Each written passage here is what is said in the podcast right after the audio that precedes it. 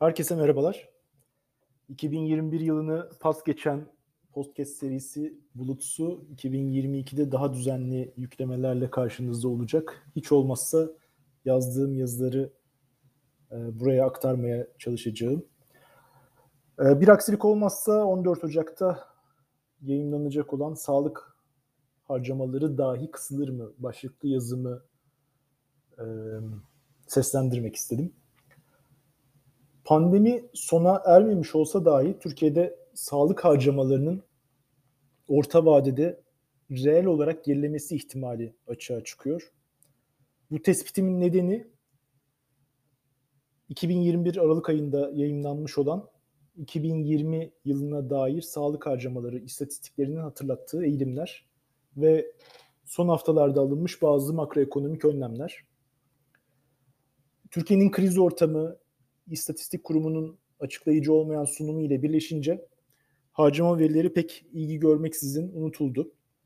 Bunları aktarıp orta vadede emekçiler açısından büyük bir sorunun kapıda olduğunu hatırlatmak istiyorum.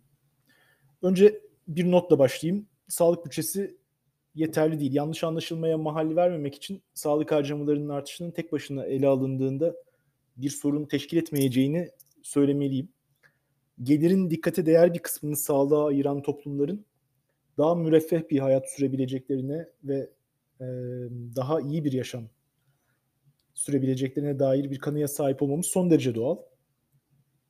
Özellikle koruyucu sağlık hizmetlerine ve halk sağlığına ayrılan bütçenin artışı olumlu karşılanması gereken bir değişim olur. Ancak Türkiye bu bakımdan herhangi bir ilerleme kaydedebilmiş görünmüyor.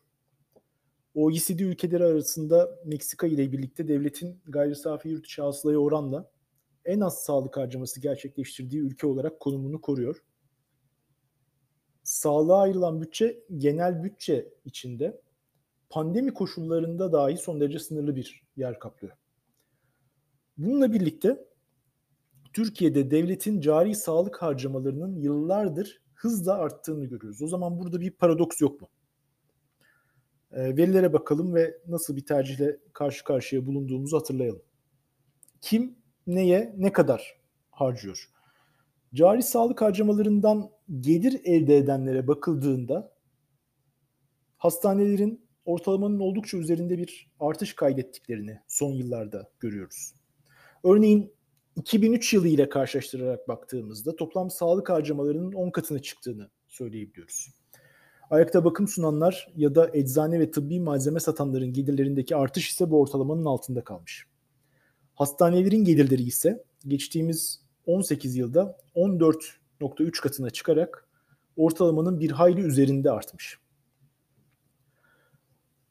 TÜİK'in yayınlamış olduğu sağlık harcamaları istatistiklerinde çok çok ayrıntılı olmasa da bu minvalde bazı veriler var. Sosyal Güvenlik Kurumu'nun hastanelere yaptığı ödemelerin miktarı örneğin 2003 yılındakinin 17 katına çıkmış görünüyor.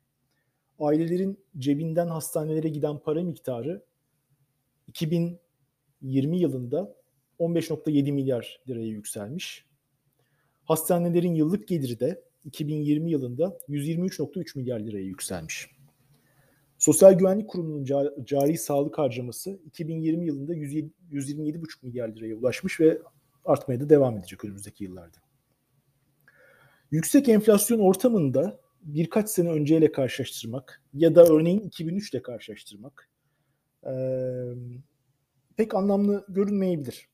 TÜİK'in enflasyon verisinde özellikle son yıllarda belirginleşen sorun nedeniyle enflasyondan arındırma işlemi yapmadan bu verileri Sadece dillendiriyorum. Ancak incelediğimiz dönemde benim açımdan daha önemli olan şey 2003 ile böyle bir karşılaştırma yapmaktı. E, İstatistik kurumuna göre ortalama fiyatların 5 katına çıktığını not edebiliriz. Dolayısıyla enflasyondan arındırdığımızda dahi isterseniz TÜİK'in açıklamış olduğu enflasyon verilerini kullanarak böyle bir arındırma yapabiliriz. İsterseniz alternatif enflasyon hesaplamalarını kullanarak böyle bir arındırma yapabiliriz. Yine de özellikle hastanelere aktarılan paranın katlanarak arttığını görmemiz gerekiyor. Kısacası bu veriler şunu ifade etmeye izin veriyor. Adalet ve Kalkınma Partisi dönemi ve son 3 yıldır da Erdoğan yönetiminin sağlık politikaları hastanelerin gelirlerini hızla arttırdı ve Sosyal Güvenlik Kurumu'nun üzerindeki yükte bir azalma gerçekleşmedi.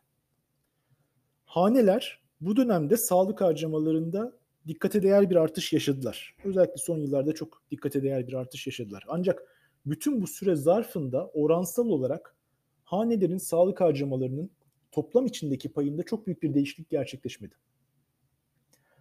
Çünkü devlet harcamaları daha hızlı arttı ve hanelerin yükü reel olarak artsa dahi bu oranlara aynı şekilde yansımadı.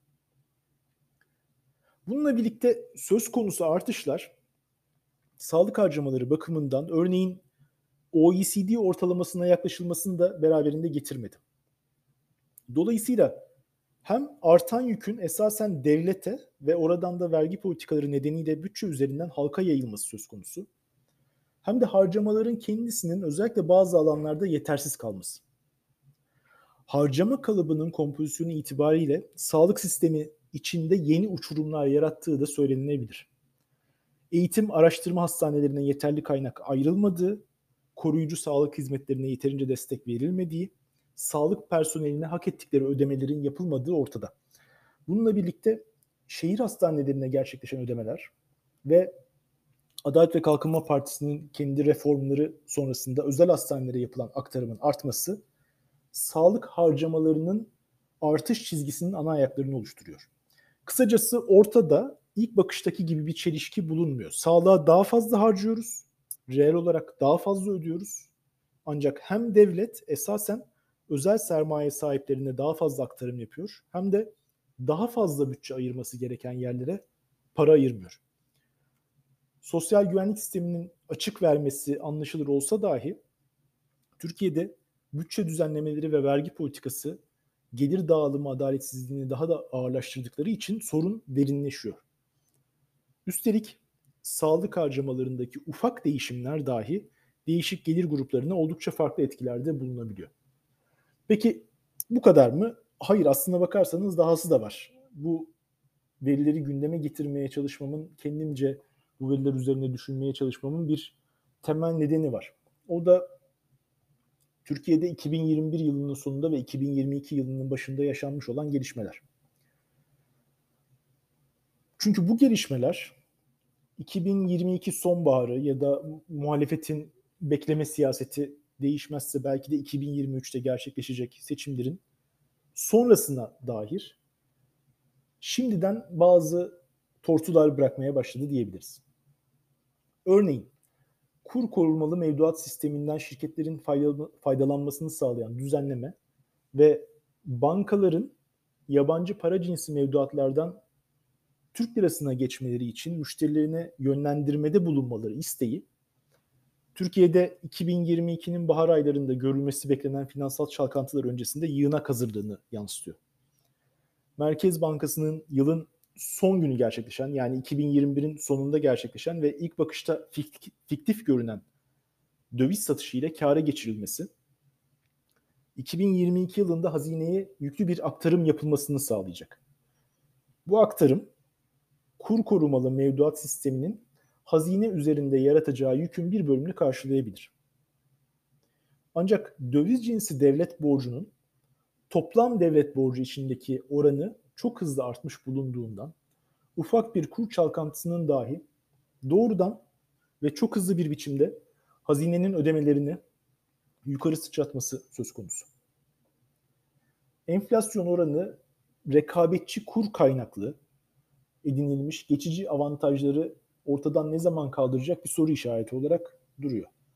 Küresel koşullar nedeniyle yeni model olarak sunulan makroekonomik yönelimin pek kalıcı olmayacağı da tahmin edilebilir. Ancak son haftalardaki tercihleri meşrebimize göre son derece geçici ve seçime yönelik ya da iyi tarif edilmemiş bir model değişikliğinin adımları olarak değerlendirmemiz bu önlemlerin 2023'ü şimdiden biçimlendirdikleri gerçeğini değiştirmiyor. İster Erdoğan yönetiminin planları saat gibi işlesin, isterse restorasyon bloku dikkate değer bir atılım sergileyerek çantada keklik olmayan seçimleri kazansın. Ortada kolay toparlanamayacak bir bütçe açığı ve faiz oranları ile döviz kompozisyonu nedeniyle çok çarpıcı hale gelmiş bir borç yükü kalacak. Türkiye'de radikal bir vergi düzeni değişikliği gerçekleşmez. Çalışan sınıflar siyasete ağırlıklarını koyamazlarsa ya da dudak uçuklatan bir büyüme yakalanmazsa 2023 uzun zamandır görülmemiş tarzda bir kemer sıkma dönemine geçiş yılına dönüşecek. Bu geçiş sağlık için harcanan paranın orta vadede reel olarak hızla azalması anlamına gelebilir.